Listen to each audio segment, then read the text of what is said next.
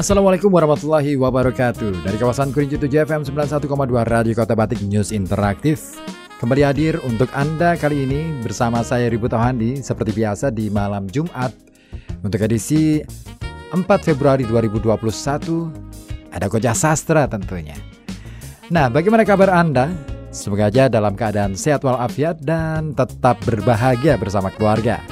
Dan pada kesempatan kali ini Kembali saya ingin uh, mengajak Anda menyimak pembacaan sebuah isei yang ditulis oleh salah seorang sastrawan sekaligus pakar sastra yaitu Mendiang Sapardi Djoko Damono.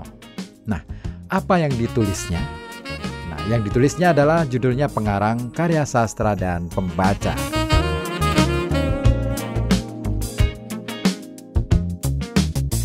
Ya, dalam abstraknya dia menulis a literary work does not stand in its isolation.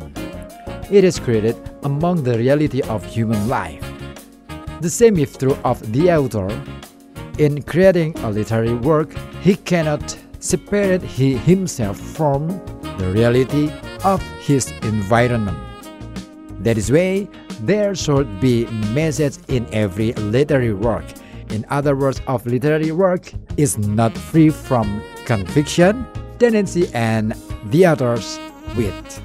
In reading a literary work, there should be a connection between the author, literary work user, the reader.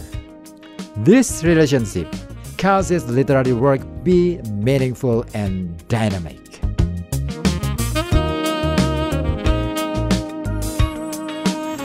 Yeah, Itulah kira-kira gambaran tentang uh, isei yang akan saya bacakan bahwa karya sastra tidak bisa berdiri sendiri, mengisolasi dirinya sendiri jauh dari kehidupan nyata dari kehidupan manusia. Nah, seperti apakah isei beliau? Kita akan simak setelah yang akan lewat ini.